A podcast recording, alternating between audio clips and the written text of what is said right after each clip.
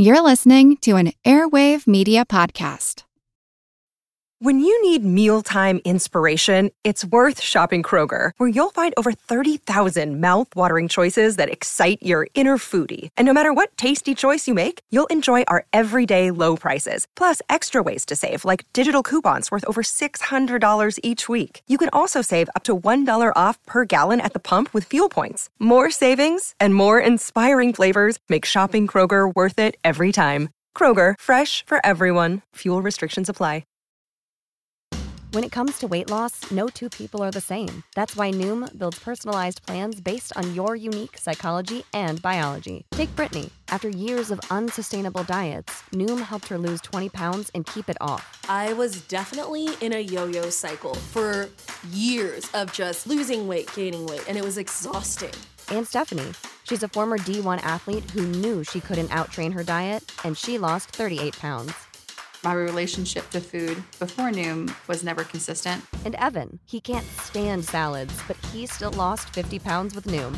I never really was a salad guy. That's just not who I am. Even through the pickiness, Noom taught me that building better habits builds a healthier lifestyle. I'm not doing this to get to a number, I'm doing this to feel better. Get your personalized plan today at Noom.com. Real Noom users compensated to provide their story. In four weeks, the typical Noom user can expect to lose one to two pounds per week. Individual results may vary.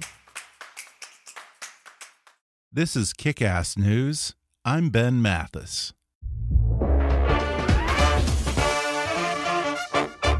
Hey, folks, I want to tell you about a new podcast called Outside the Box. If you're a maker, a doer, an innovator, or even just a consumer, who wants to get a peek behind the curtain of some of the world's greatest organizations, you should check it out. The first episode features conversations with presidents and CEOs from organizations like the World Wildlife Fund, Feeding America, and more.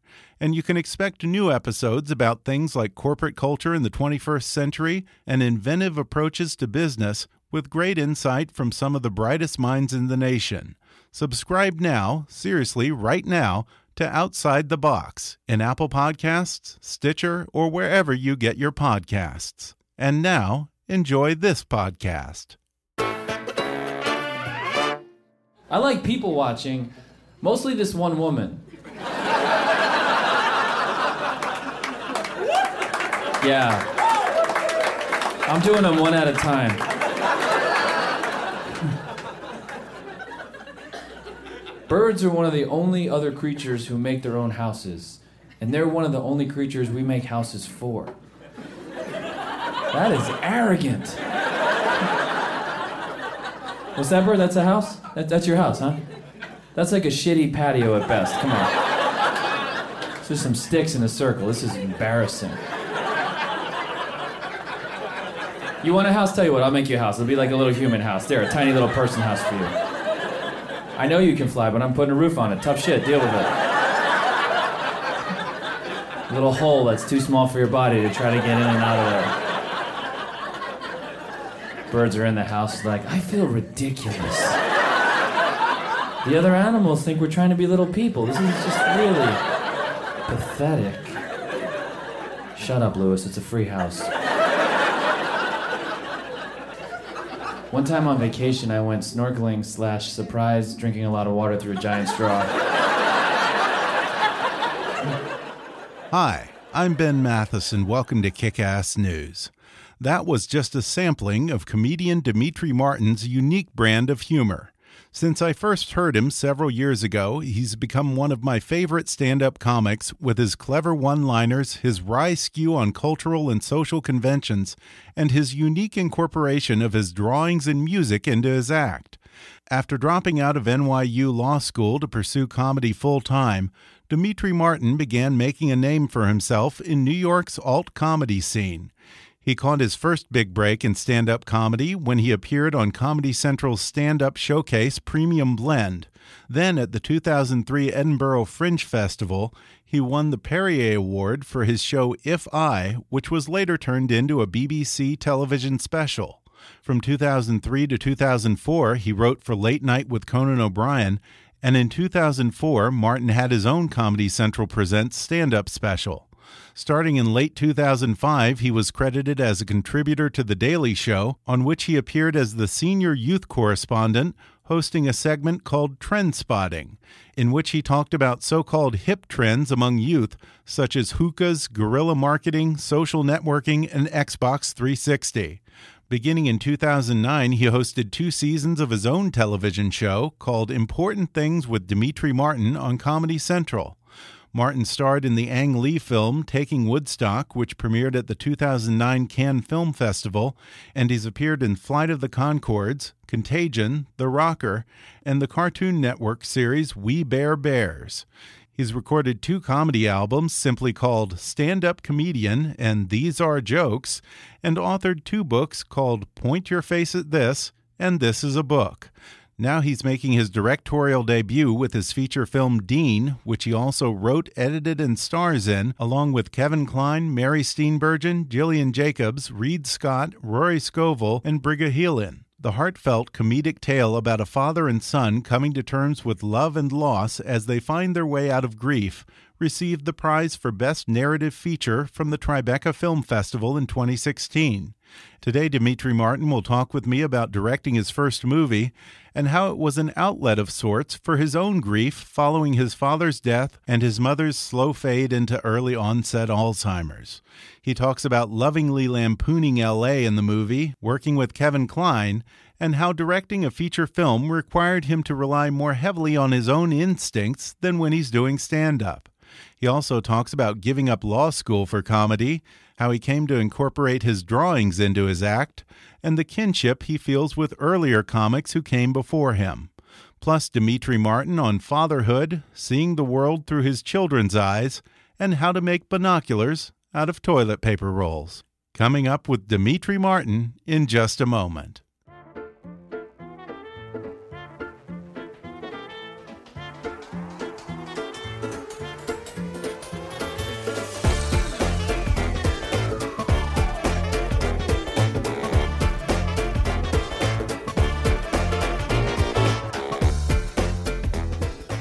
I'm delighted to be sitting down with one of my favorite comedians, Demetri Martin, today. He's also an actor, illustrator, and writer. And now we can add the title of director to his resume with his new film, Dean, which opens in theaters this Friday, April 2nd. Demetri Martin, thanks for joining me. Thanks for having me. Um, you have such a unique voice as a comedian and a perspective on the world that I'm almost envious of.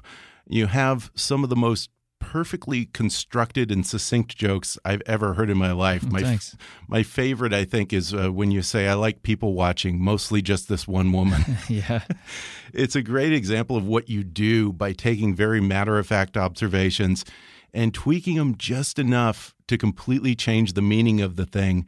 And oftentimes, you're pointing out the most obvious thing that we as adults have either forgotten or overlooked. Growing up as a kid, did you have that kind of innate curiosity that children have and that oddly literal perspective on the world around you, or was that something that came to you later in life? Let me think about that. I think I did to some degree, but I don't remember that being prominent where people said, "Oh, Demetri's has Precocious. an interesting, yeah, perspective or something." But what I was drawn to was puzzles. I, I really, really, liked um, like brain teasers and those kinds of games that you find in some of those books where they're just collections of weird word puzzles and number things and patterns and stuff like that. So I don't know if, if that was the part of my head that eventually got me to jokes. I liked comedy when I started to see it on TV. This was in the 80s. But yeah, I think it was is maybe that kind of pursuit of solving little weird puzzles and problems that, you know, yeah, because oftentimes with these kind of brain teasers and these little puzzles, it's all a very simple matter of stepping back and just reanalyzing a particular word and realizing that yeah. there's another meaning there. Yeah, I think so. It's it's yeah. that kind of stuff, and um, yeah, sometimes there's something really simple that's just like looking at it slightly differently, and then something opens up or you find an answer, you know. And I think for me, when I started writing stand-up material one liners, that's what came out. I really started with jokes and I actually have trouble getting away from that. It's like I, mm-hmm. there's a gravity that like pulls me back to that kind of writing because I'm now trying to I'm trying to learn how to do longer bits on stage. And I have done one man shows, I guess you'd call them. Like they were for theater comedy festivals like overseas like years ago. It's been god 12 years, I think 15 years since I did the first one. And those were autobiographical and I told stories. I put jokes in the shows, but that was an attempt at trying something a little different on stage and I enjoyed it, but but not as much as I like jokes. I really do Yeah. like the game of jokes. It almost harkens back to early comedy, like Henny Youngman, these Yeah. one liners. But it's got to be, I have to think, to fill an entire set with one liners has got to be a huge amount of pressure. It's tricky. I, what I find is the more I have behind me, the trickier it gets because they're premises that I've used up or jokes that my head might end up there again. And I'm like, wait a minute, I think I've written that joke already, so I can't. Yeah. I can't do that. I improvise more than I used to, and I'm a little more present, I think, when I'm on stage. So that helps me fill material and time in a different way than than just preparing stuff. But yeah, when it comes to, you know, the new stand up special I'll do in about I think eight or nine months, I'll shoot a mm-hmm. new one. Yeah, I'm I'm building like brick by brick to get there. Yeah, I think somewhere I read that you nowadays improvise a lot more just because you get frustrated by assholes who show up with their cell mm-hmm. phone or whatever and Yeah. go and tweet your joke when you're still working on a bit. Yeah, I've learned not to look on Twitter anymore because it just upsets me too much. But yeah, it would be it would be like I try a joke for the first time and then it's been tweeted by a few people. Granted, the world doesn't care, but when you're trying to figure out your jokes, it does it does mess with your head a little bit because you're like, God, I that's not ready yet. Like I'm trying to work it out, and even if it were, you know, give me a shot at telling it a few times before you you take it. Are you on Twitter now? I, I, I know Yeah. for a while you weren't. Yeah, I'm on there Uh, reluctantly. How's that adjustment? I don't I don't enjoy personally. I don't Really? enjoy social media very much. I, I don't. But it's built for one-liners. Kind of think yeah. that would it's be just- made for you. I guess, but people just devour the material and hmm and then it's just kind of gone. And also, people they they correct you and comment on your jokes. and Trolls, they- yeah. yeah, it's, it's just all that shit. Yeah. I don't have it too bad, but I, I've learned to just avoid it, and then I seem to have a better life. hmm Well, I read that you were going to law school at NYU when you got bit by the comedy bug and started doing stand up. I imagine that you probably tested the waters a bit and did some open mic nights at first. When was the moment when you fully committed and decided to focus 100% of your energy on comedy? Well, weirdly, and I don't know if this is just looking backwards, but from the beginning, I decided that I was going to do it before I got on stage. Mhm. I didn't know if I'd how I'd make a living doing it. I didn't know if stand up would be something I could actually do as a career. I wanted it to be something. But I thought, well, maybe that'll work if I'm good enough at it or maybe I can get work as a writer hmm if I can figure out how to do that. But I, I remember thinking I'm going to find a way to make a career in comedy because I like at the time I just I liked joking around with my friends and I liked comedy a lot. And I was yeah, I was kind of lost in law school. I was it wasn't a good fit for me and I was suddenly wondering what am I going to do with my life and you know in in a very literal kind of unimaginative way I just thought I remember sitting down and thinking okay, what do you like spending your time doing? What do you find validating? What makes me feel like I'm I like myself or something? And okay, so I thought that through, and then I was like, all right, now how do you get money for doing that? how can you make that a job? That's the catch. and that that was the trick yeah so that that was the game for me and so of course it took it took me many years to achieve that to get it to be a job. Hmm about seven or eight years of temp jobs and proofreading and clerical work and different kinds of jobs that enabled me to do stand up at night for free basically until Mhm. eventually I got I got there. Well, yeah, as someone who goes around questioning established norms and picking apart the semantics of things, it's hard for me to imagine you going into a court Yeah. and just annoying the crap out of a judge. Yeah, I think that that wouldn't work well for anybody. I, I yeah. I, I again, I liked. I think what drew me to law school was some of the when you talk about how the law is shaped over time, like the history of mm-hmm. jurisprudence and different fact patterns and how they're similar or different from each other. There's definitely something interesting about that to me, but in practice, the thoroughness that's required yeah. It's just a very grown up, detail oriented kind of job that not for me. Are you the kind of guy who resists wanting to be a grown up? Yeah, uh, yes and no. I think um, I think I I want to be. I've always wanted to be taken seriously, kind of as a grown up. I, I I have looked younger than my age in the past. I think that's leveling out now, and I'm starting to look more my age. But yeah, sneakers and hoodies and my haircuts probably didn't help along the way. But sometimes I, I I felt the opposite. Like, hey, I'm I'm an adult, and you know I, I have something to say here. And then other times, yeah, I think I don't want I don't want to solidify into being a grown up too much. Yeah. Well, along the lines of being taken seriously, early on you got labeled as an alt comic. Yeah. Nowadays, you know, we think of alt comedy as where the really interesting stuff happens. But at the time, were you a little bit resentful about being put in that box and limited like that? Not really. I think it was funny even at the time to me and some of my friends because there were in New York the comedy clubs and then other rooms.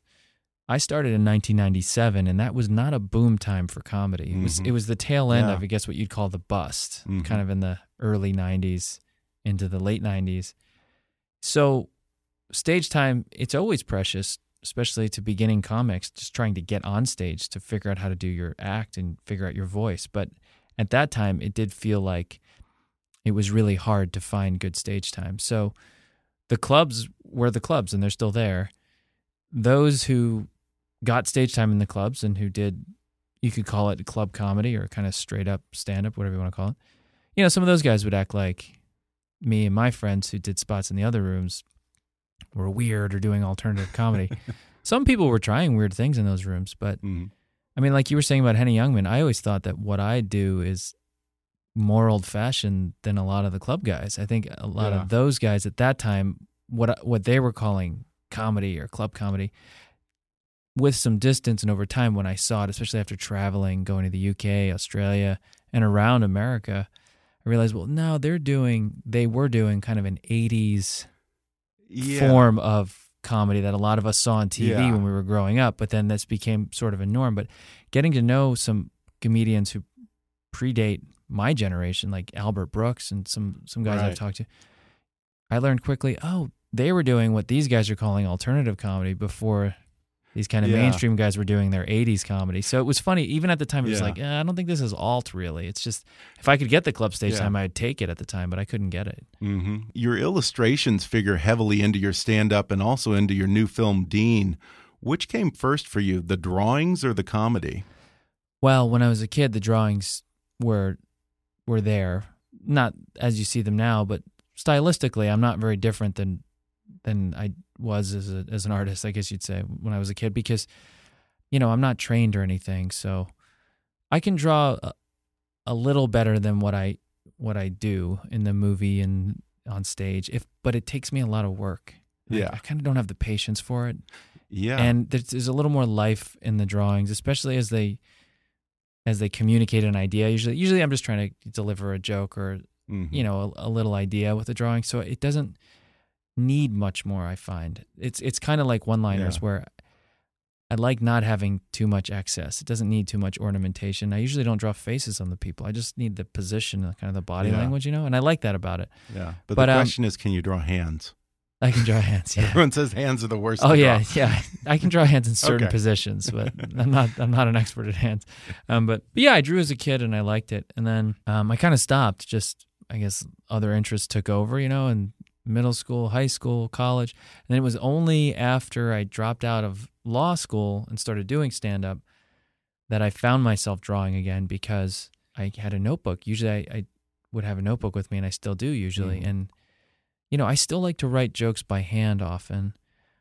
I write them on my computer and sometimes I text myself a joke in the phone, but it, it's enjoyable. And I feel like I get different kinds of ideas if I take a pen and actually write out sentences and write out ideas. Mhm. And then once once I have the pen and, and the paper there, that kind of lent itself naturally to doodling. And then I start to realize, oh, wait a minute, some of these ideas work better as as just a visual scene, like a snapshot or a single panel.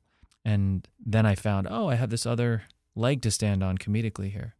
Yeah, and your character in the film carries around a pad of paper and a pen as well to write down ideas. So that's something you still do. You haven't succumbed to like the iPad or using a smartphone for that sort of thing. Yeah, I, I feel like I lose degrees of freedom as soon as Mhm. I need like a plug, you know, that kind of Yeah. stuff. Even on planes, I have a Kindle, but um, I do like paper books. It's nice. I don't have to turn it off. I'm allowed to read it the whole time. Nobody Yeah. can make me do anything with it, and there is a feeling of freedom Yeah. there for sure. you know, incorporating your drawings into your comedy must have seemed sort of risky when you first tried it because you either have to slow down the pace of the joke to allow your drawing to catch up or you have to speed up your drawing to keep up with the joke. Yeah, I think that's always um, part of the puzzle for me. When I first put drawings on stage, that was a fun experiment to see hey, can I get extra punchlines or a different punchline on a joke here and have an audience member's kind of perception of the joke more for I don't know change or something. I don't know what the word Mhm. is, but you know, could I just play with that a little? And it you Yeah. know mostly worked. It was kind of cool. And then when it came time to make the movie, I thought, yeah, let me make my character a cartoonist or an illustrator, and then I'll have something else to share with a viewer Mhm. as I tell this story. Another way to show them what the guy's going through and take them on a different journey and almost have like a silent film that's told in just drawings running alongside the main narrative of the movie or with it. And, you know, I shot it widescreen, kind of old fashioned. Yeah. That gave me a little more real estate so I could put the drawings up there when I split Yeah. the screen, do those Mhm. kinds of things. Yeah, and that's one of the things that I love the most about the movie is because someone who's familiar with your work is going to be very happy with this film because it's still the same offbeat type of humor. You even, like you said, incorporate the illustrations into it, but you've added some new layers, some Yeah. depth, some personal emotion that I guess reveals a deeper level to you that people probably haven't seen from your stage work. I think that's true. That that's something I was hoping for. I think as a movie fan and a guy now who's in his 40s, you know, I'm drawn to I guess more emotional stories and um, that seemed important to me. Certainly as a first time here, could I could I tell a story that was more personal and dealt with something a little deeper than than usual. I don't know if deep is the right word, but but heartfelt maybe is the word. And my stand up um, is really personal, but it's more about I guess what I think about, not Mhm. so much what I feel usually. But with the movie, um, I thought I had an opportunity here on a, on a movie screen, or I guess if you watch it on your phone, it kind of works. But you know, the fantasy is that people would see it in a movie theater, the way I still like seeing movies when I can, because there's that immersion and Yeah. intimacy with with the characters and with the story. And as a director, you have all these opportunities to tell your story in in all these subtle different ways and you know getting close show people wide two people together over the shoulder the drawings some music so i thought wow if i have all those tools at my disposal it would be really great to to try to tell a more emotional story and at the same time have it be fiction so i wanted it to Mhm. be emotionally autobiographical but i didn't i don't want to tell my life story i, I don't I don't know. I'm not drawn to that. You know what I mean? I don't want it to be a memoir. Yeah. I want it to be fiction. We're going to take a quick break, and then I'll be back with more with Demetri Martin when we come back in just a moment.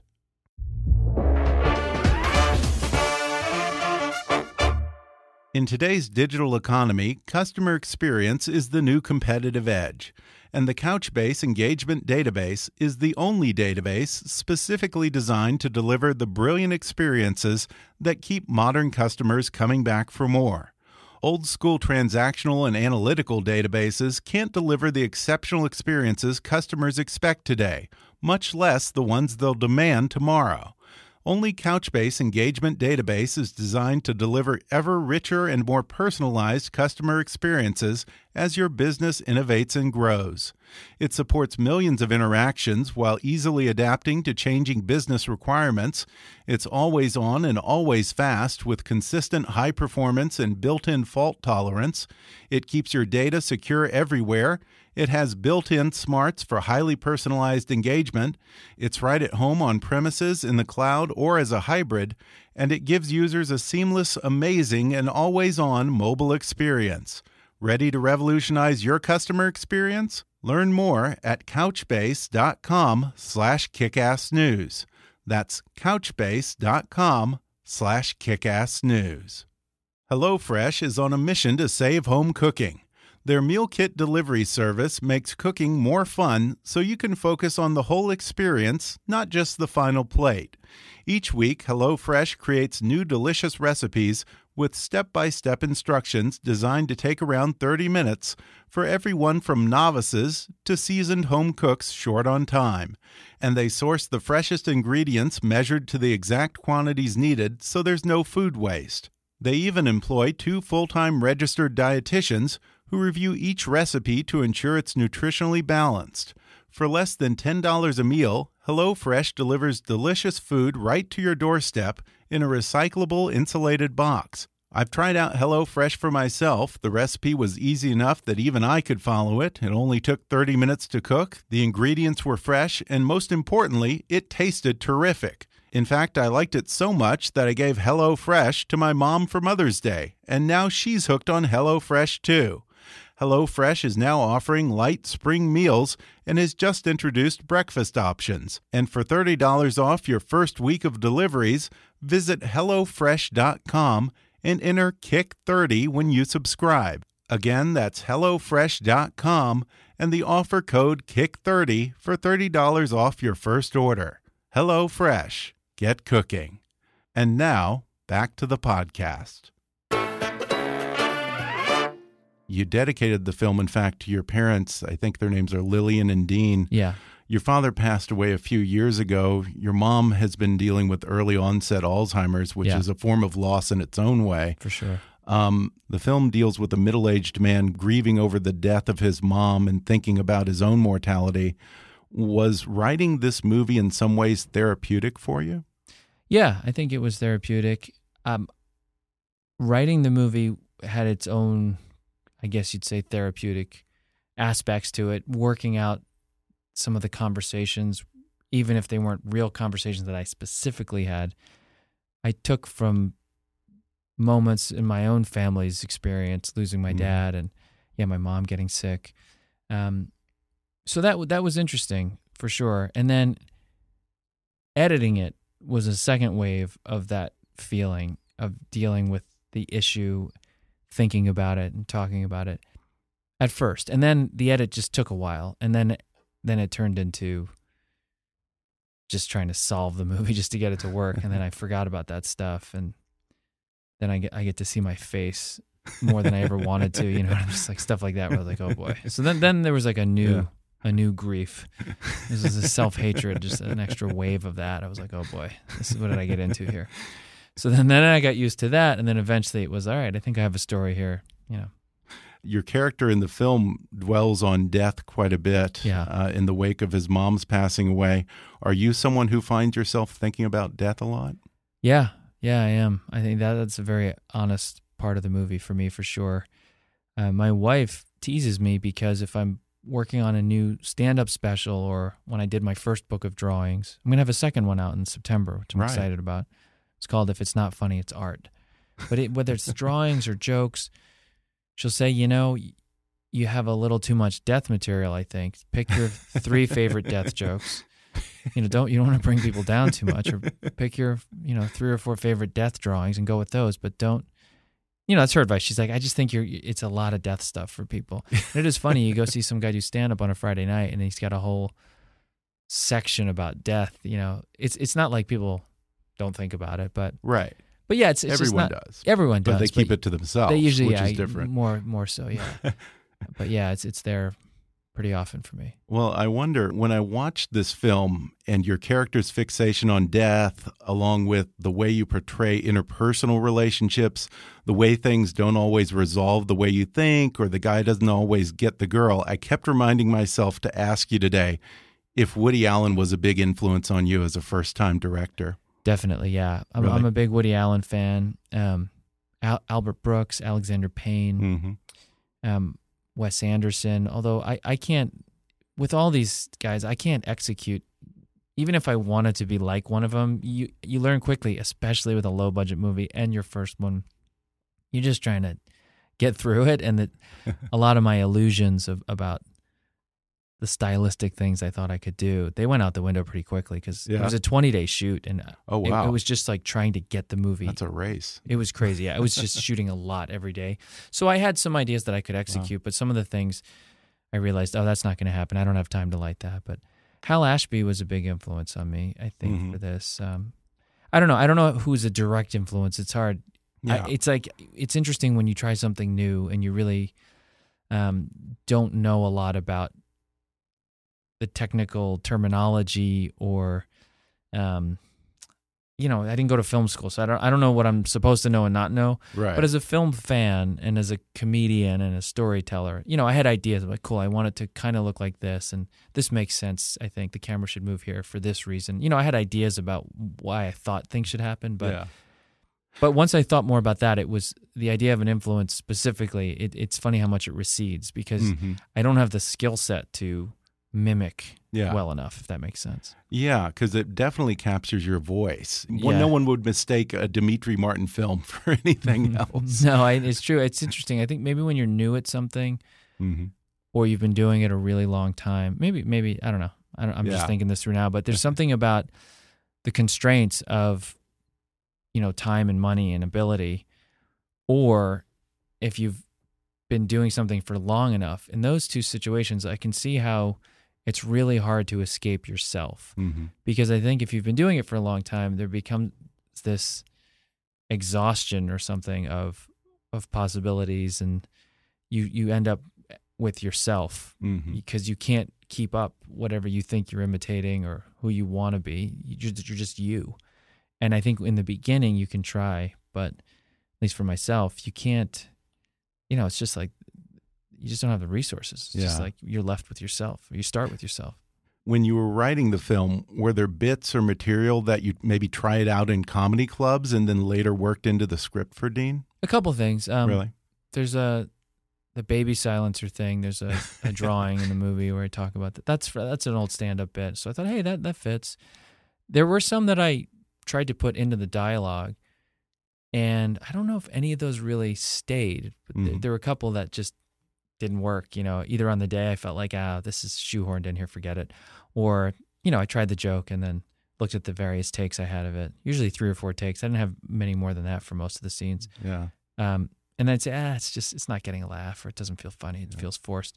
So again, that, that kind of pushed me more towards more myself, I guess. In life, I think of jokes and I say them sometimes, but you know, my stand up is such a compressed version of it. It's, it's a distilled version of some of my daydreams, but I don't walk around spouting off too many one liners. If I think of them, I usually keep them to myself Yeah. because Well, I- people steal them. yeah, or I don't want to be that today. guy who, you know, you hang out with him, he says something funny, and then you see it in his act, and you're like, ugh, was he doing material at that dinner party? You're a guinea pig. Yeah, so I just Yeah. I just keep it to myself. Usually jot it down in a notebook or something. Along those lines, was it hard for you to go from working as a comedian where you get an immediate response from the audience to working on such a big project where the payoff of an audience response is so much farther out in the distance? And perhaps you have to rely a lot more on your own instincts as a yeah, director. it, it feels like working in a vacuum. Mhm. Certainly compared to stand up, you have that immediate feedback in stand up, and you have really honest feedback. Every crowd's Yeah. different, but each is honest, and whether it's ten people or five thousand people, whatever it is, they're they're giving you in real time clues about what works and what doesn't, and how they see you comedically, Mhm. what you have to offer people, what they think about you, even if it's different than what you think about yourself. Yeah, then you go make a movie and you know, you can get a laugh on the set maybe for this piece or that, but then it's still different anyway on the day in person. Yeah. Context is different. What's been going on that day, um, you know, whatever. And then you uh, you get to the edit and you see stuff on the screen. It's a whole Yeah. new new bag, you know. and then over time, of course, you can imagine. Yeah, because it's been three years, right? Yeah, you Pretty lose much. objectivity. Yeah. It was it was we shot it. Yeah, th- we shot it three years ago. I did a 35 city tour and a Netflix special during the edit, so that didn't speed things up. it premiered a year ago at Tribeca, and then CBS Films they acquired it, which was great. But then they've held on to it, figured out their strategy, whatever. So. There was the election. I, I'm Mhm. guessing, you know, I haven't asked them. I'm guessing that's part of it. Was like This wasn't an election year movie. yeah, this does this. You could see this, and even now, I, I hope people find Yeah. it. But it's it's a small indie, you know. I I think they will. It's the, exactly the kind of movie that I look forward to in the summer, which actually is oftentimes usually a Woody Allen movie. Yeah, right. the movie that I don't see coming necessarily. Right. That surprises me. I I think people will really be pleasantly surprised with it. Um, your character in your film takes sort of a New Yorker's fish out of water perspective on Los Angeles and the entertainment Yeah. industry.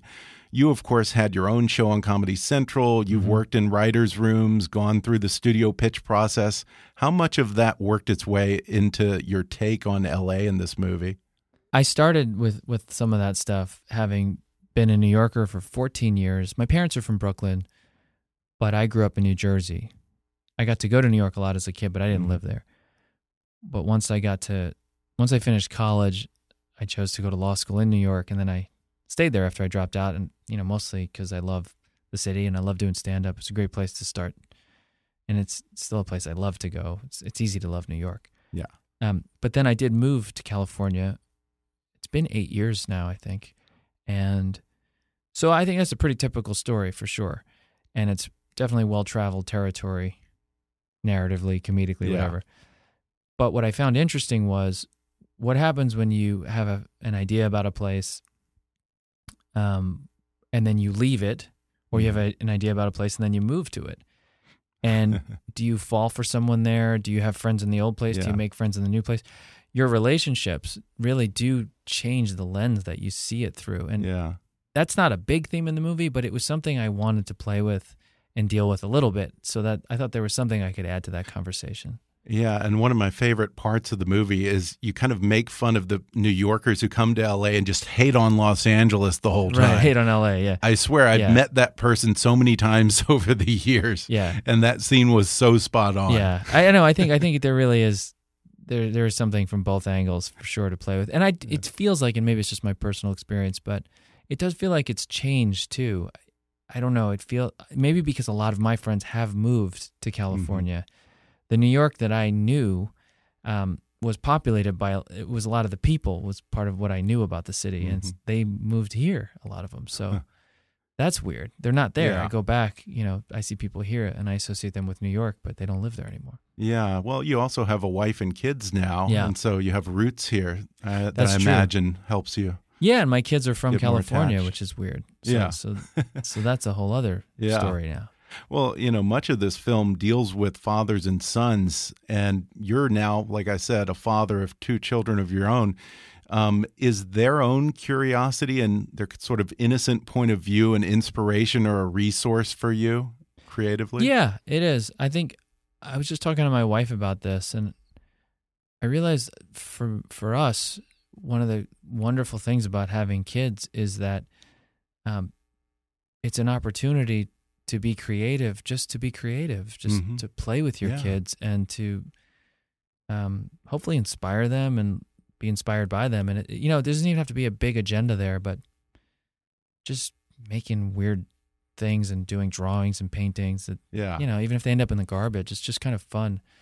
Um, it's really inspiring, and it's not even a direct. You know, maybe I'll get material out of it, but I'm not even looking for that. It's it's nice. It's uh, there's something very pure about it. Yeah. You have a terrific cast for this movie. As a first time director, were you surprised that you were able to land Kevin Kline and Mary Steenburgen as your supporting players? I was, yeah, I was legitimately surprised. Yeah. I was Because you know he's known as Kevin Decline because he always passes on I projects. know, yeah, and it's funny. People told me that along the way, so I Oh, yeah? really didn't get my hopes up. but he responded to the material. He responded to the script enough to agree to have lunch with me. So I flew Mhm. to New York and had a lunch meeting with him. And that led to, oh, it took a month or two, but after that, he did say, Yeah, I'll do it. And um, then once he came on board, it did really change the project, which was, you know, I was thrilled about. It, it gave it more legitimacy and it, you know, felt much more like a real movie. Mm-hmm. And even now, I think it is a real Yeah. movie. You know, It and is. He's, well, and he's a large part got of it. an opening He's date, lar- so I hope so. Yeah, and he's he's a big reason why the movie even got made because Yeah. the financing. You know, this one guy who financed it from Canada, or about a little more than half of it, he said, "If you get Kevin Kline, you know, I'll give you this money." Really? So it's pretty direct. And what's he like to work with as an actor? it was such a treat and I felt really lucky. It's funny, you go into it thinking, God, if I could get Kevin Kline. Well, then you, you get the person you wanted. Well, they're a human being. So now, you, you, you know, how's that going to go? And, you know, I feel like I got really lucky. I got lucky that he said yes. And I got lucky that he is the way he is. And he was gracious and collaborative.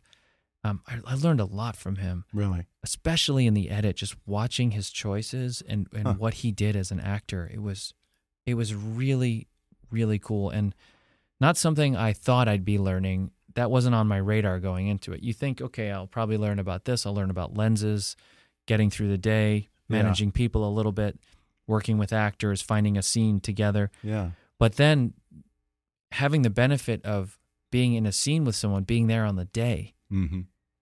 and then going into the edit a couple months later or whatever and then seeing you know you remember oh yes i remember that day i remember this take and then seeing the magic of movies of of a real movie star like kevin kline i sat across from him. I saw him do that. And now i see it on a screen and i'm like wow look at that. Look at it.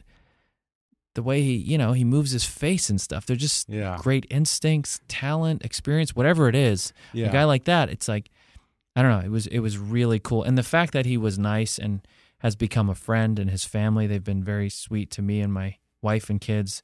You know it's just a total bonus. Yeah. Now, as a comedian, you're usually writing for one character yourself. yeah Um, did you find it challenging to relate to and write dialogue for older characters like Kevin Kline's character and Mary Steenburgen?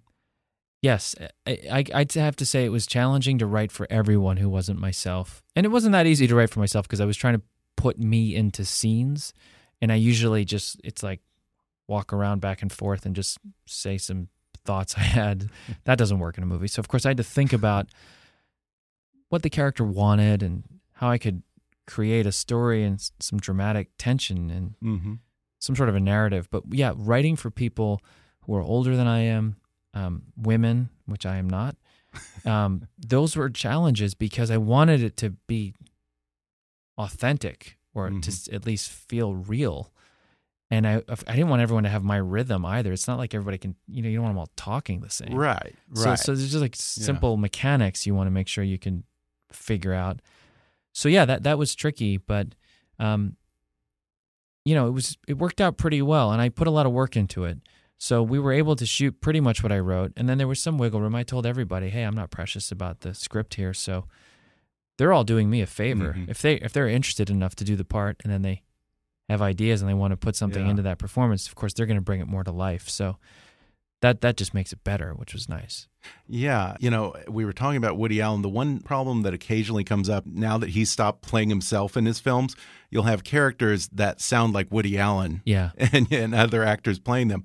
In this movie, you don't have that, other than, of Yeah. course, your character, Yeah. Demetri Martin as Demetri Martin. Right, my But range it's not is never Kevin be- Kline doing Demetri no, Martin. that'd be hilarious. Yet that- it still has your voice. Yeah, I think Yeah. so. Yeah, I think um, you know, when I think about the scenarios and the general story, and then yes, my character.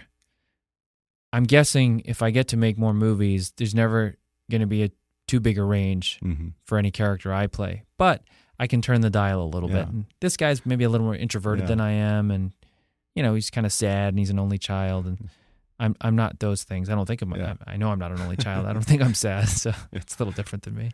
Yeah, you know, it's such a great movie. I loved it to death. And you have such a unique comedic voice. I swear, I just want to get inside your head like being John Malkovich and see the world through your eyes, That'd Demetri. be pretty boring. Man. I mean, before we go, I just wonder what's the most interesting or curious observation you've made, let's say, in the past week or so Oh, about wow. people or the world around you? Oh, that's an interesting question. Or something la- that was interesting to you? Yeah, in the last week, well, this was kind of interesting. Um, it's going to be a very disappointing answer, but my wife, um, in our bathroom, you know, when you finish the toilet paper, there's like the tube from inside, and there were like three of them in on this shelf Uh-huh. in the bathroom, and and I was looking at that and I was like, oh, I could make binoculars out of that. This would be fun for my son. so I took them and I took one of them and I drew like semicircles on the ends, uh, Yeah. each end of it, and cut them out. And then it, it like fits snugly the other two. and so then it held them together. So just using three toilet paper rolls, I made binoculars and it kind of held together on its own. But then I took some like scotch tape and it taped it together. You're the MacGyver of toilet paper. Yeah, well, I made these binoculars for my son. I thought, hey, he's gonna like this. Yeah. And my wife was like, "Did you take those toilet paper rolls?" I was like, "Oh yeah, why?" She's like, "They wanted those at the school. They for some project. They wanted us to oh, do." it." I was like, "Oh, oops."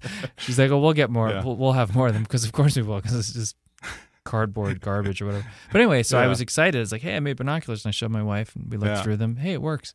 and then I showed them to my son, and he was just like, oh. Nonplussed. Yeah, he's like, oh, okay. I mean, he's a sweet kid, but he was not. He didn't Yeah. seem interested. I, I felt like I accomplished something. Yeah, well, kids inspiring creativity, yeah, like we said. exactly. Well, once again, Dean opens in theaters this Friday, June 2nd, and look for Demetri Martin's new book of drawings coming out this fall. Demetri, thanks for talking with me. Thank you. Thanks a lot, man. Well, I hope you enjoyed the show. A reminder the Couchbase Engagement Database is the only database specifically designed to deliver brilliant customer experiences across all your web, mobile, and IoT apps. You get unparalleled agility, manageability, and performance at any scale, and your customers get continuously richer experiences. Learn more at couchbase.com/kickassnews. Thanks again to Demetri Martin for coming on the podcast. His wonderful film Dean opens Friday, June 2nd. Check your local listings for theaters and showtimes. Follow Demetri Martin on Twitter at, at Demetri Martin. And for more information on everything Demetri's up to, including his books, drawings, and live shows, visit live.demetrimartin.com. Be sure to subscribe to Kickass News on iTunes and leave us a review while you're there. Don't forget to take our listener survey. It only takes five minutes at podsurvey.com slash kick. You can visit Kickass News on Facebook and follow us on Twitter at, at KickassNewsPod. And be sure to recommend Kickass News to your friends on your social media. And if you really want to help out, then donate to our GoFundMe campaign at gofundme.com slash kickassnews or click on the donate button at kickassnews.com. As always, I welcome your comments, questions, and suggestions at comments at kickassnews.com. For now, though, I'm Ben Mathis, and thanks for listening to Kickass News.